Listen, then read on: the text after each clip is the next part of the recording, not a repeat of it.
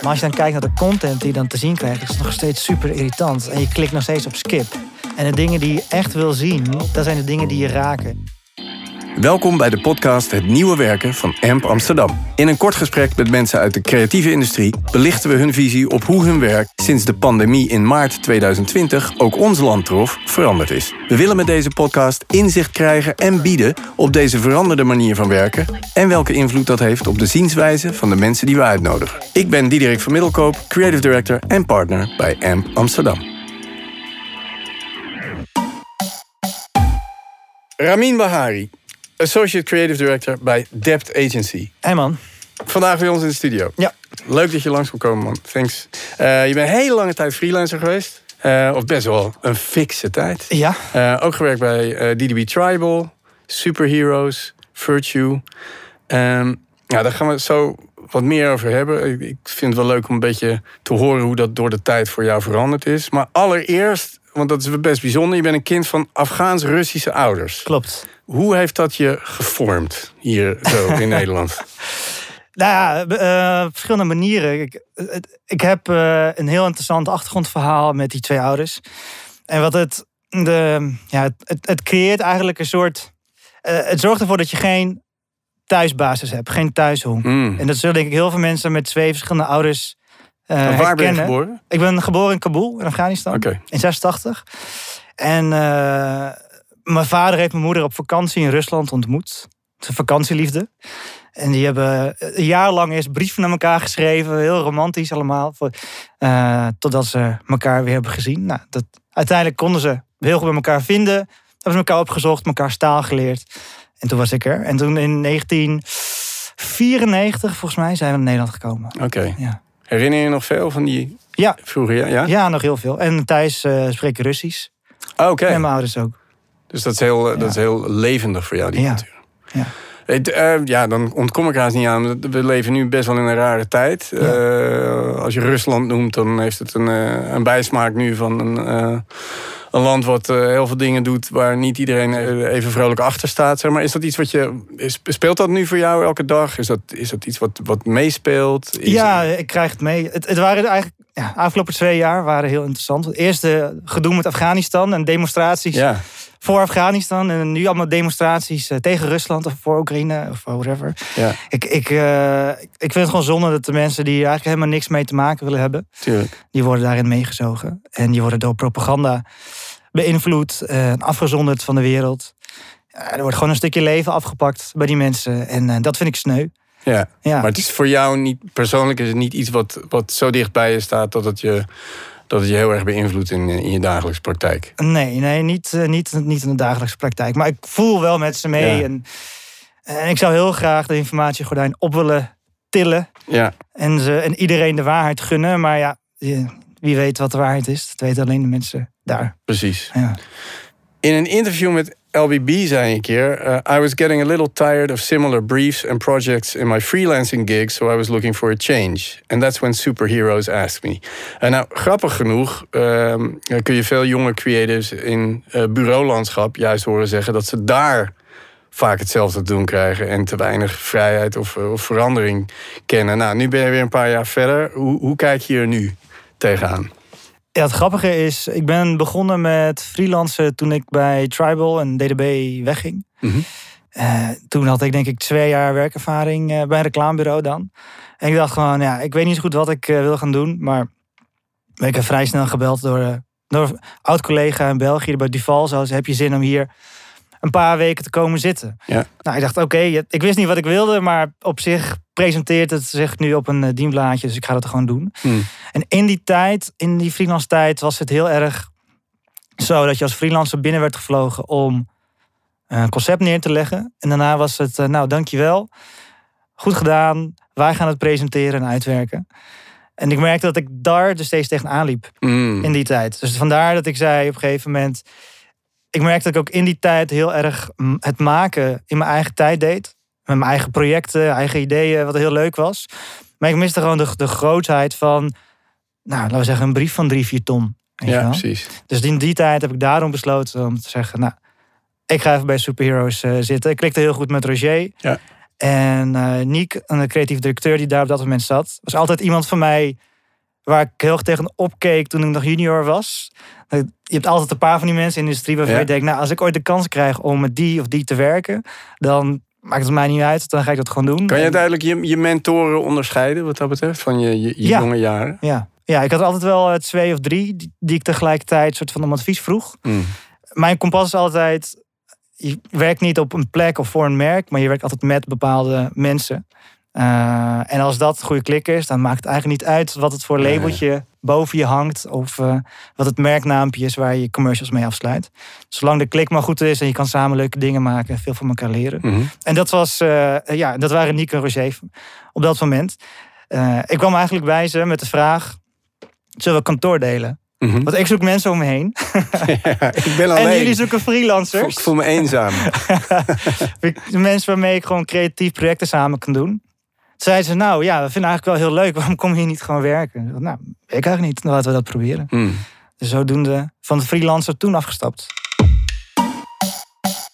In datzelfde interview met, eh, met LBB noemde je ook dat je ernaar streefde twee keer per jaar een nieuwe hobby te beginnen. Eh, nou, dan ben ik benieuwd. Lukt dat nog steeds? En dan, wat heb je allemaal zo al geprobeerd en wat wil je zeker nog proberen? Eh, ja, we hebben allemaal onze rare corona-hobby natuurlijk. ja.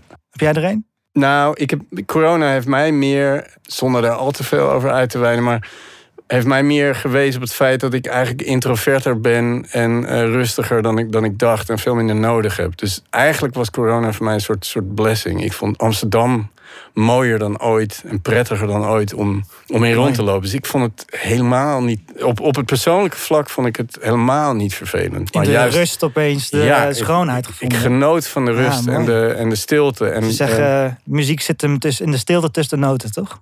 Ja, maar ik ben ook, en dat heb ik ook wel eens in een interview gezegd, ik ben ook niet iemand die, eh, ik kan niet tegen muziek en achtergrondmuziek. Ik zet geen muziek op in de auto. Ik hou heel erg van geluid dat er is. Ah, ja. Want ik heb al zoveel muziek in mijn kop, Ja. dat ik niet noodzakelijkerwijs daar nog bij wil. Maar, terug naar jou, want hobby's, hobby's. Eh, ja, nou, eh, ik ben veel aan het klimmen nu. Net een klim, gek. klimcertificaat Zweden gehaald. Dus te gek. Top eh lead klimmen, dus het eh, berg in met Gaaf. touwen. Dus dat, dat ben ik. eh, aan Waar ga doen. je dan zo al klimmen? Nou, nu vooral indoor. Oké, Echt om, hallen. het- om het te leren en een certificaat ja, halen? ja, ik heb in Colombia heb ik echt eh, outdoor geklommen. In Frankrijk ook. Heel leuk. Maar volgende, ja, eigenlijk zat parachutespringen heel lang op mijn lijstje. Eh, die had ik al gepland. De Ja. cursus. Echt een week lang tien sprongen maken en dan je certificaat halen. Alleen toen kwam COVID en niemand was verzekerd. Nee, precies. Dus ze zeiden ze, nou, weet je, wacht maar lekker met je cursus. Ehm, dus daar, eh, het is allemaal de lucht in. ja. Kom omhoog. ja, ik ben, ik ben 1,75 meter. Ik wil graag de lucht in. Ja, zonder daar nou de amateurpsycholoog over uit te gaan. Dat mag iedereen zelf doen. Volgens mij, het gaat voor mij heel erg om eh, een beetje je- het ongemak opzoeken. Oké. Ja. Je hebt ook een enorme passie voor reizen altijd gehad. Ehm, dat was met corona denk ik ook even over. Ja. Gaat dat nu in sneltreinvaart weer terugkomen? Nou? Het valt wel mee. Oké. Ik heb eigenlijk, eh, weet je zoals jij, ook een beetje de rust Amsterdam gevonden. Mm. De, vlak voor corona een lange reis gemaakt. Eigenlijk vond ik het, vind ik het nu wel heel lekker. Door niet de hele tijd me ergens anders te zijn met mijn hoofd of ergens naartoe te leven. En gewoon een beetje hier, een beetje hier te zijn. Ik heb ook een huis gekocht midden in corona. Oh, kijk. Dus dat maakt er ook, zorgt er ook voor dat ik daarvan kan genieten. En Ja, een beetje mijn thuisbasis heb waar ik gewoon kan zijn. Je bent ook midden in coronatijd bij Dept gaan werken dan? Ja. Denk ik niet. Ja. Een jaar geleden. Anderhalf. Ehm, dus je, je kwam destijds aan boord omdat, en eh, nu quote ik je weer, de ambities van Dept inspirerend en uitdagend vond klinken. Ehm, kun je daar iets meer over vertellen? Want nu zit je er een, nou ja, iets meer dan een jaar. ja, anderhalf, denk ja. ik. Nou, hoe, hoe, hoe kijk je ernaar? Ja, dat was eigenlijk eh, dat was grappig. Eh, ik kende Dept nauwelijks. Ik, ik denk, zoals de meeste mensen in de reclame-industrie, die vertellen mij een soortgelijk verhaal als wat ik toen in mijn hoofd had.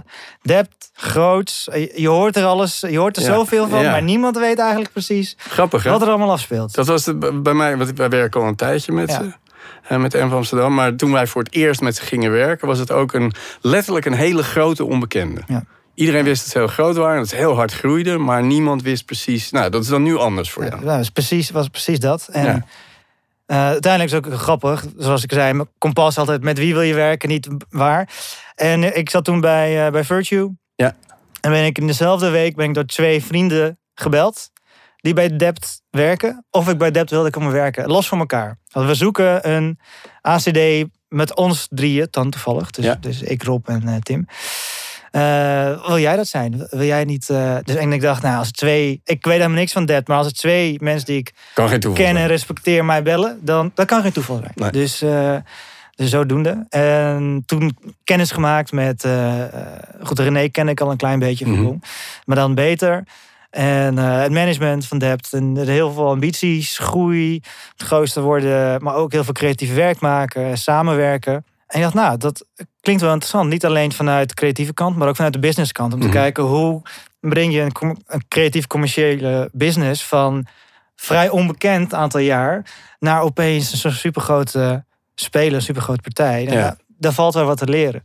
Ja. Dus vandaar dat ik dacht, nou, dat, dat lijkt me wel interessant. Ik heb ook wel het idee dat dat eh, enorm aan het lukken is. Het imago van Dept is volgens mij eh, Ja. een stuk bekender en het is veel meer out there dan het was toen jij, eh, toen jij Ja. startte. Ja, nee, we groeien enorm. En we hebben ook anderhalf jaar geleden tegen elkaar gezegd. Ik werk dan met name, eh, ben ver- verantwoordelijk voor bol.com, Ja. zoals je weet. Ja, Samen we, met die, we doen eh, veel met. Bol. Ja. En dat is, we hebben anderhalf jaar geleden tegen elkaar gezegd: oké, we gaan nu echt even focussen en Bob.com naar een volgend niveau brengen. Creatief, maar ook in executie. Ja. En nou, volgens mij gaat het hartstikke goed. Ja. En Dat werpt echt zijn vruchten af. Dept organiseerde kort gelegen het eh, Meta Festival 2022. Eh, heel succesvol als ik alle eh, berichten een beetje gevolgd heb. Iets waar jij misschien op kan reageren. Iemand schreef ergens op LinkedIn: The metaverse is all about ideas, quote unquote, that one are exactly like the stuff you saw on Second Life 20 years ago, or two are digital replication of what you don't like doing in real life, like supermarket shopping. Ja, dat is nogal een, een harsh Ja. statement. Hoe kijk jij naar de metaverse en het, en het belang ervan? Ja, grappig. Ik denk dat, eh, dat we nog niet zo goed weten wat het gaat zijn. Het is een beetje het begin van, eh, van het internet. Het eerste wat mensen doen wanneer een nieuwe technologie ontstaat, is eigenlijk iets wat je, waar je bekend mee bent, namaken. Dus dat zie je nu heel erg in de metaverse. Ja, We kopen land. Eh, we maken onszelf na. We maken zelf portretjes.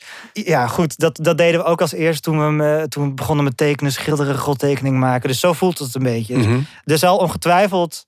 Weet je, het, gaming heeft zichzelf al bewezen. Ja. Ik heb al heel lang gegamed. Ik, heb- ik, eh, ik heb mensen ontmoet, vrienden van me, die ik alleen ken van het gamen. Die ik Mhm. nog nooit heb gezien in het echt. Die ik alleen maar ken van de chatrooms. En ja, ja. van, eh, vroeger had je een Teamspeak. En dat, dus het, con- het concept van elkaar leren kennen online heeft zich enorm bewezen. En Mhm. nu zijn ze nog steeds op zoek naar wat is nou de juiste vorm. En wat ik wel heel tof vind aan de metaverse, is dat er een enorme investering is vanuit de te- technologische industrie om daar een vorm aan te geven. En waar, wat, waar die vorm uiteindelijk op uitkomt, wie daar als winnaar uitkomt, dat, net zoals met sociale media is, waar er honderd en opeens is er eentje die blijkbaar alles op orde heeft. Mhm. Ik denk dat ook dat zal gebeuren met metaverse. Want zolang het allemaal gespleten is, ja, gesplitst is, dan, dan, dan komt het allemaal niet bij elkaar. En de vraag zal zijn, wie zal dan die speler worden? Zal het Mhm. inderdaad Mark Zuckerberg zijn met zijn eh, meta? Want dat is natuurlijk wat hij, precies wat hij probeert te doen. Mhm. Of zal het een gamingpartij zijn die zegt, nee, wij hebben ons eigen metaverse, jullie komen bij ons en we hebben daar onze eigen regels. Zou je iets kunnen verzinnen in de metaverse waarvan je zegt van nou, een, een dergelijk soort activatie of zoiets, dat heb je op een gegeven moment nodig. Of zoiets zou moeten gebeuren, waardoor ja, iedereen begint te snappen van kijk, dit is allemaal mogelijk hier. Zijn dat dingen waar jullie over praten of over nadenken? Ja, eh, regelmatig. Kijk, het, is, het grappige is eh, dat met iedere technologie, mijn zeg maar, waarderingssysteem van technologie Mhm. is. Technologie wat succesvol is, helpt ons om meer menselijk te zijn. Om Mhm. menselijker te zijn. Ja. Het ze zit niet in de weg, maar het is juist een soort glijmiddel, Verlengstuk. verlengstuk van Add-on, ons. Een ja. add-on van, oh ja, weet je, met film zie ik, eh, ervaar ik mijn emoties meer. Want het is Mm. op groot scherm. Of het is geëdit, dus het komt harder binnen. Mm. Muziek ook. Toen opeens microfoons eh, bestonden, versterkte muziek. Wat voor gevoel heeft dat opeens uitvergroot? Ja. En ook zo'n soort idee zal de metaverse moeten eh, groot maken. Maar dan zou je ook kunnen verwachten dat het misschien de metaverse zichzelf om zeep zou kunnen helpen. Omdat we zo ge, eh, getriggerd worden door onze eigen senses ineens weer. Ik heb jou wel eens ergens in een berichtje iets over de five senses volgens mij Ja. horen zeggen. En Ja, heel erg ja. een soort van ergens zijn en dan eh, ruiken, voelen, proeven, horen. Alles in dat ene moment. Precies, ja. Daar kan je, zou ik me kunnen voorstellen, de metaverse dus eigenlijk een soort tegengestelde beweging bewerkstelligt. Ja, in zekere zin, en dat zie je ook nu, hè, dat is precies de discussie. De metaverse is natuurlijk ontstaan in coronatijd. Wat Ja. grappig is, Ja, we mochten niet reizen, dus wat misten we? Connectie. ja, Wat is daar het antwoord op? Metaverse. En dat echoot nu heel erg na, omdat dat Precies. natuurlijk net de behoefte is waar we vandaan komen. Ik denk inderdaad dat die coronatijd iets raars heeft gedaan met onze beleving van iets waar we anders misschien net anders in zouden gaan. Dat denk ik ook. En het zou kunnen dat we nu een drempel over zijn, die we Hmm. over moesten om daar te komen. Het kan zijn dat die drempel er nog niet was en dat die nog moet komen. Of er moet eh, nog iets anders gebeuren, waardoor we connectie met elkaar zoeken. Ja. Maar in, in zekere zin is het niet heel anders dan de chatrooms van 20 jaar geleden. Ja, waar je eh, nu heel veel ontwikkelingen zit, is niet per se natuurlijk ook metaverse, want het is een manier om mensen bij elkaar te brengen, wat, Mhm. wat iets visueler is. Maar waar we nu eigenlijk steeds meer mee bezig zijn, zijn AI-tools. Die zijn Precies. nu op dit moment, metaverse is een soort van science fiction in een zekere zin. Maar we zijn nu juist aan het experimenteren met heel veel AI-tools om daar creativiteit uit te halen. Mm. Eh, en, en, en samen met AI tot ideeën te komen, tot concepten, zowel design als. Gaat, gaat AI eh, daar maar meteen op, op inhaken? Want in, eh je hebt hem volgens mij laatst ook gezien, documentaire Kill Your Darlings van Anouk Jans. Ja. Daar zegt Scott Galloway, zegt daarin, hij is al heel lang eh, professor in marketing. En hij zegt daarin, AI gaat advertising volledig overbodig maken. Want zometeen krijg jij gewoon geserveerd wat je wil op grond van je preferences en dat soort dingen. Dat gaat misschien niet zo hard, maar is dat wel een beetje de kant waar het op gaat? Kijk jij daar ook zo naar? Ik denk voor een groot deel eh, gaat het die kant op, ja. Oké. Ja, Maar je maakt je niet. kan wel zeggen- je, wordt wel niet nee. zenuwachtig. Je wordt er niet zenuwachtig. zeker wel. Ik word er een klein beetje zenuwachtig van. En ik, maar ik ken heel veel mensen die er veel zenuwachtiger van worden. Eh, maar ik denk wel dat er zelfs straks, en dat is nu natuurlijk in zekere zin ook je programmatic, wat je precies geeft wat je wil hebben op bepaalde momenten. Mhm.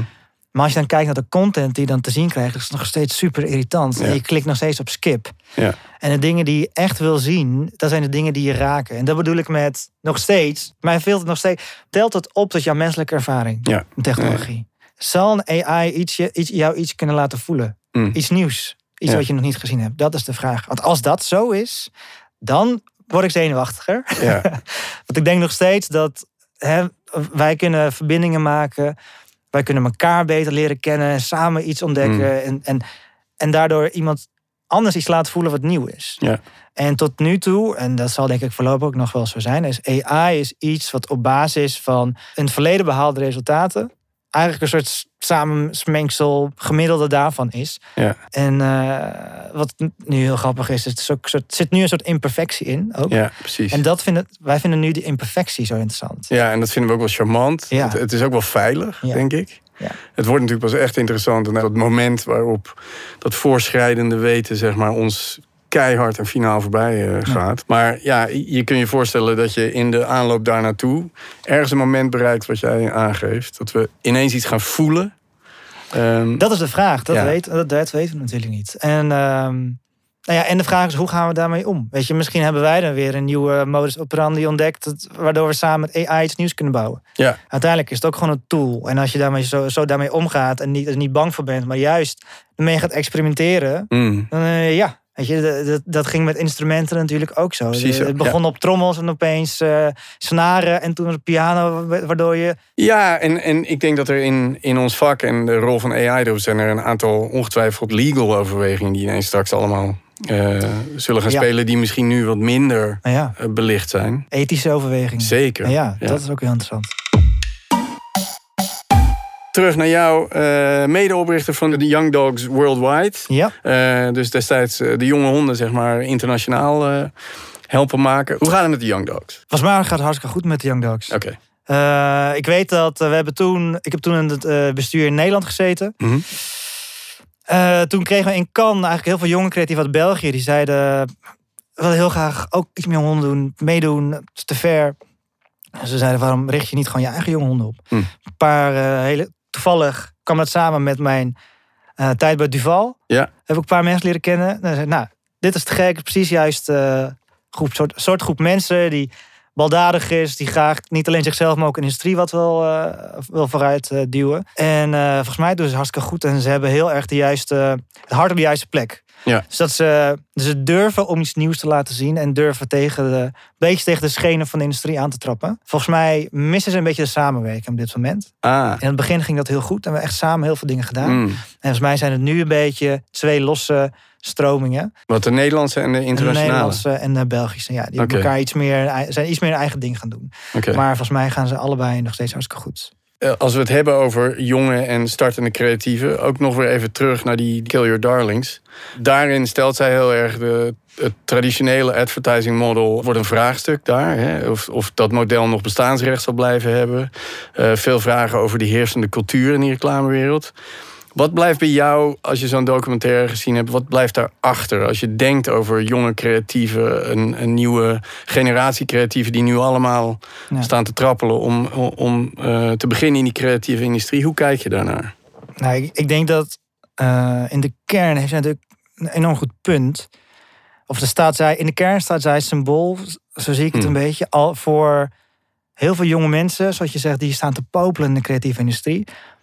Maar eigenlijk niet meer willen werken bij een reclamebureau. Ja.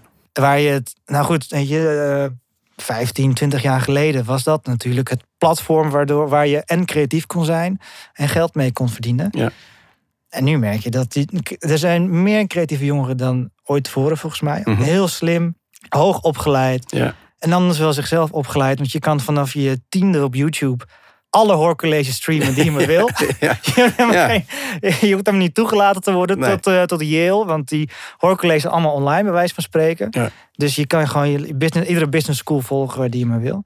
Eh, maar je ziet ze niet bij reclamebureaus. Of tenminste, je zou, je zou verwachten dat er veel meer eh, staan te popelen.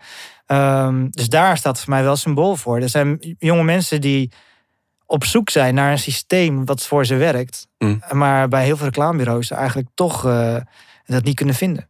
Maar waar zit hem dat in? Ehm, ja, het, vanuit mijn optiek mist er heel veel ondernemingsperspectief. dus je moet volgens bepaalde straminen werken. Je krijgt een briefing. Je moet eh, bepaalde eh, media opleveren. Dus je, krijgt heel, je wordt heel in een stramien gegooid. Mhm. Waar ze het helemaal niet gewend zijn. Weet je, op het internet, online is alles mogelijk. Alles is een remix. Ze leren zichzelf deze software. Ze leren zelf die andere software. Ja, precies. Ehm, en opeens moeten ze werken in een stramien. En opeens worden ze beoordeeld door Ja, iemand. ja. Een creatief directeur of een klant. En dat zijn ze ook niet gewend. Nee.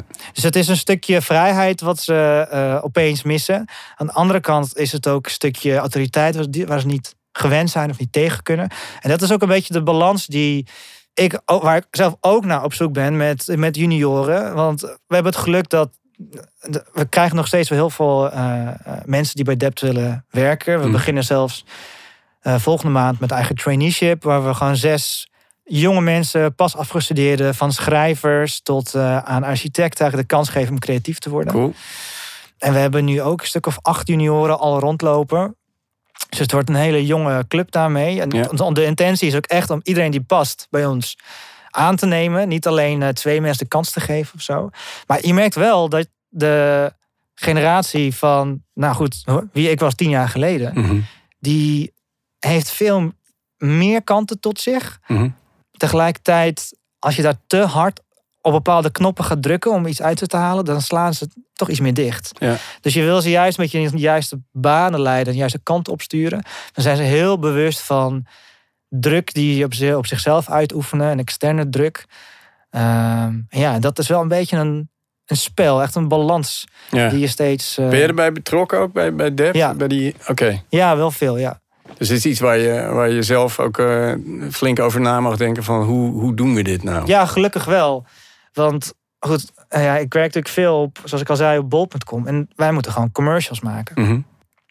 Ehm, en je merkt dat echt de, de, de commercial geesten, de, de commercial breinen, die moet je echt opleiden tot in denken tot commercials. Ja. Social, helemaal top. Super talentvolle social teams. Die heel snel kunnen klikken, die samen de studio ingaan, muziek maken, plaatjes. Binnen een dag is het allemaal gevuld. Maar wanneer Ja. je opeens moet denken in commercials bijvoorbeeld, ja, da- daar, daar heb je echt wel uren, vlieguren voor nodig, wil je dat een beetje onder de knie krijgen. En daar komt ook wel bij dat je dat ook wel hard op moet reviewen en kijken hoe je dat beter maakt. En Ja. hoe het werkt in film. En eh, ja, je merkt als je daar net iets te hard in bent, dat mensen het ook soms een beetje dicht kunnen slaan. Ja. Dus er, dat zit, is- er zit meer peer pressure in voor ik, ze. ik heb wel het gevoel dat ze iets minder tegen pressure kunnen. Ik weet niet of het komt door beoordeeld worden Mhm. opeens op je werk. Dat wordt misschien heel persoonlijk. Het zou kunnen zijn dat het dat creëren meer met hun persoonlijkheid is verweven. Ja. Dat zou kunnen. Ja, op het moment dat je allemaal vanuit een bepaald stramien ook uitgehoest wordt educatie-wise, ja, dan, dan zitten heel veel dingen zitten daarin ingebakken. En nu die, die beetje wildgroei die jij net eh, eh, aangeeft, die natuurlijk geweldig is. Ja. Want kijk eens wat een, wat een eh, overvloed. Tegelijkertijd mist dat dus het een en ander aan kaders. Ja, dat- ik denk dat je het heel mooi samenvat. Het is inderdaad een soort wildgroei van creativiteit. Mm, En als je je opeens in een stramien van een reclamebureau gaat zetten, dan ontstaat er lichte paniek en, en ongemak. En, en dat is, daar is helemaal niks mis mee. Dus dan, daar moeten wij juist een beetje voorzichtig Ja. mee omgaan en dat goede, goede banen leiden. Ja. Maar ik denk dat daardoor wel veel mensen. eh, dat, dat, dat mensen afschrikken als ze denken Ja. aan reclamebureaus en commerciële creativiteit. Wat natuurlijk ook meespeelt, mhm. is dat je er dat je nu heel veel alternatieven hebt. Ehm, dat maakt de keuze om niet bij een reclamebureau te gaan werken of te stoppen natuurlijk des te veiliger, makkelijker. Ja. Dus ik denk dat het heel, heel erg aan reclamebureaus nu ligt om hier bewust van te zijn. Want Ja. wat je, waar je merkt, is dat heel veel mensen, zoals jij al zei, zeggen: ja, als het je niet staat, dan zoek je maar iets anders. Mm, Terwijl het misschien op een verkeerd moment is in precies. de ontwikkeling van, van zo'n junior. Ja, het kan een absolute oversight zijn. Ja. Dus daar gewoon daar bewust van zijn. Wees niet te streng voor de junior. Zeg niet dat het, dat het voor ze niet werkt. Maar realiseer je dat zij misschien twee jaar kunstacademie... die jij wel gevolgd hebt... die toen heel erg specifiek gericht was op reclame maken. Dat is Willem de Koning volgens mij nu ook niet meer. Ik heb dat niet gedaan, maar ik weet het niet. Ehm, dat zij dat niet hebben. En dat ze dat bij jou moeten gaan vinden en zoeken. En jij moet ze de kans geven om nog steeds te laten voelen... dat zij creatief kunnen zijn. Nog even over muziek, want eh, je bent hier bij Amp Amsterdam en eh, muziek en geluid is wat ons eh, doet leven en bewegen hier. Ehm, kun je iets vertellen over de rol van muziek in je leven, in je werk, in, in ja, wat ik- het voor je is en betekent? Ja, heel, ja, heel veel eigenlijk. Ik kom uit een hele muzikale familie. Ah, leg eens uit, vertel eens. Ehm, mijn moeder die speelt al van kinds af aan een hoog niveau mandoline en piano. oh, te gek. Klassiek. En mijn vader die heeft ooit in het leger gezeten. En Toen eh, was hij dirigent van het legerorkest. Te gek. Speelt ook tuba. Ja. Wat heel erg leuk is. Thuis. Ja. Echt gezellig. Groot instrument. Eh, mijn broertje speelt een heel hoog niveau piano. Oh, echt wauw. eh, concert jazz. Een zusje zingt. Oh man, moest ja, je, het was dat niet een enorme druk op jou om dan ook nog eens gigantisch in de muziek te moeten presteren? Nee, dus niet, moet, niet moeten. Maar het was echt een soort... eh, ja, je hebt geen keus. Je gaat gewoon een piano spelen. Je gaat gewoon Ja. een instrument bespelen. Ja. Dat is gewoon... Dat hoort gewoon bij de, bij de familie. En, eh, en ik heb ook nog eh, tien jaar lang een relatie gehad met een professionele gitariste. Dus dat bleef altijd mijn hele leven lang... was dat onderdeel van mij. Ja, het hoort erbij. ja, en vooral instrumenten spelen. Ja. Ja. Speel je nu nog steeds veel? Regelmatig, ja. Gitaar. Ik ben overstap van piano op gitaar. Oh, Het was toch, toen ik ging studeren, kon ik mijn piano niet echt meenemen. Dus toen maar gitaar gaan spelen. Nou, daar was natuurlijk COVID ook super goed voor. Ja. Om weer lekker weer veel gitaar te spelen. heel goed geworden. Nou, niet heel goed. Dat, ik heb mezelf geleerd om dat nooit te zeggen. Nee, Voordat je het weet, sta je op een jam sessie met allemaal professionele. Ja, hey, eh, wil, je, Ja, wil je even doe meedoen? jij- jij bent ook goed. Jij kan Ja. Nee, nee, nee. nee. Ja, nee, ik, eh, ik, Dus ik eh, snap ik, het. ik vind het heel leuk en ik, ik, ik waardeer het enorm. Te gek. En nu het allemaal weer mag, festivalseizoen, ben jij ben je iemand die heel veel naar live optredens gaat en heel veel live muziek tot zich neemt? Ik doe mijn best. De laatste tijd was het vooral eh, toch een beetje de festivals weer opzoeken. Ja. Ehm, helaas net niet naar eh, eh, Lowlands geweest. Omdat ik volgende week naar Dekmantel ga, zoals Ja. in Kroatië. Nee, maar ik heb live muziek wel echt enorm gemist tijdens COVID. Wel een paar van die concerten meegemaakt waar je op twee meter afstand van elkaar zit. Mhm. Maar dat is toch, dat is toch anders. Ja, is niet hetzelfde. Nee, is niet hetzelfde. Maar live muziek, ja, ik denk niet dat de wereld zou kunnen zonder live muziek. Nee, dat blijkt ook wel. Ja, want dat is wat ik eerder zei. Dat is ook iets wat je menselijker laat voelen. Mm. of Zo. Samen de kippenvel die je dan ervaart. Ik denk dat de wereld eh, zonder live optredens een stuk somberder zou zijn. Ramin, ik vond het super leuk dat je even langs wilde komen. Heel erg fijn om met je te praten. Ja, te gek. En uh, succes met alles. Bedankt voor het uitnodigen. Alright man. Thanks man. Dankjewel voor het luisteren naar de podcast Het Nieuwe Werken van AMP Amsterdam. Graag tot de volgende.